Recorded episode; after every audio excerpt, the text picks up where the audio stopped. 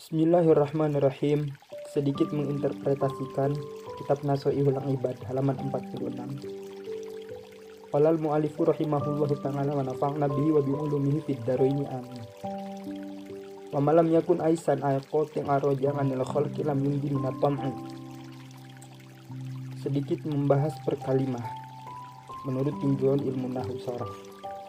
Man, man di situ disebutnya huruf syarat yang bertugas tajzimu fi'laini al-mudhari' aini menjazmkan kepada dua kalimat fi'il mudhari.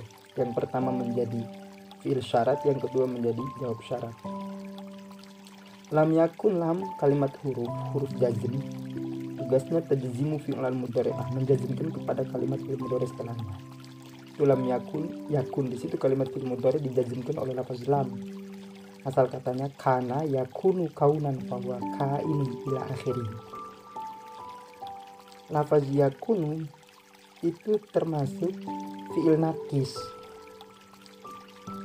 yang punya tugas tarfa'ul isma wa tansibul khobar menasobkan kepada kalimat isim dan men menasobkan kepada isimnya dan merofakan kepada khobarnya.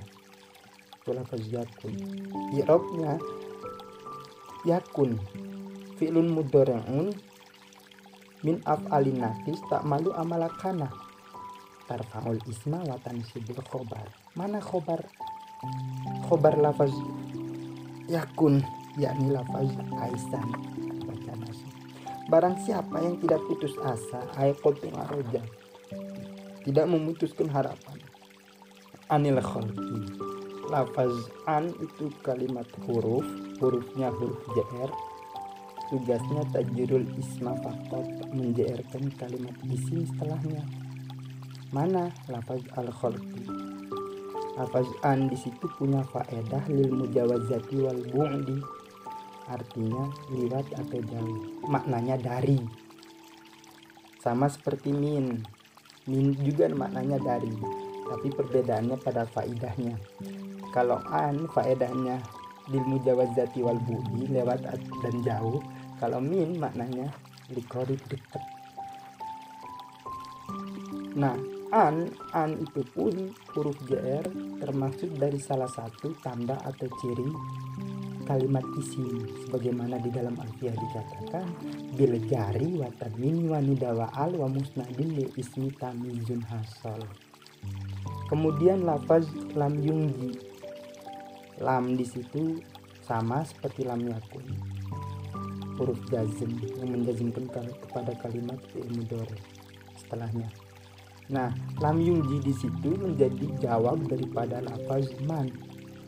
Barang siapa yang tidak putus asa atau tidak memutuskan harapan anil khalqi dari makhluk, maka nah, ini jawab itu biasanya di logatnya maka tidak akan selamat minapon dari sifat. Tamak itu berharap kepada makhluk dalam kehidupan kita. Ketika kita berharap kepada selain Allah kepada makhluk itu sering kali kita dikecewakan. Kalau kata Rita Sugiarto surga yang engkau janjikan neraka yang kau berikan manis yang aku hayalkan pahit yang aku rasakan. Itu ketika kita berharap kepada makhluk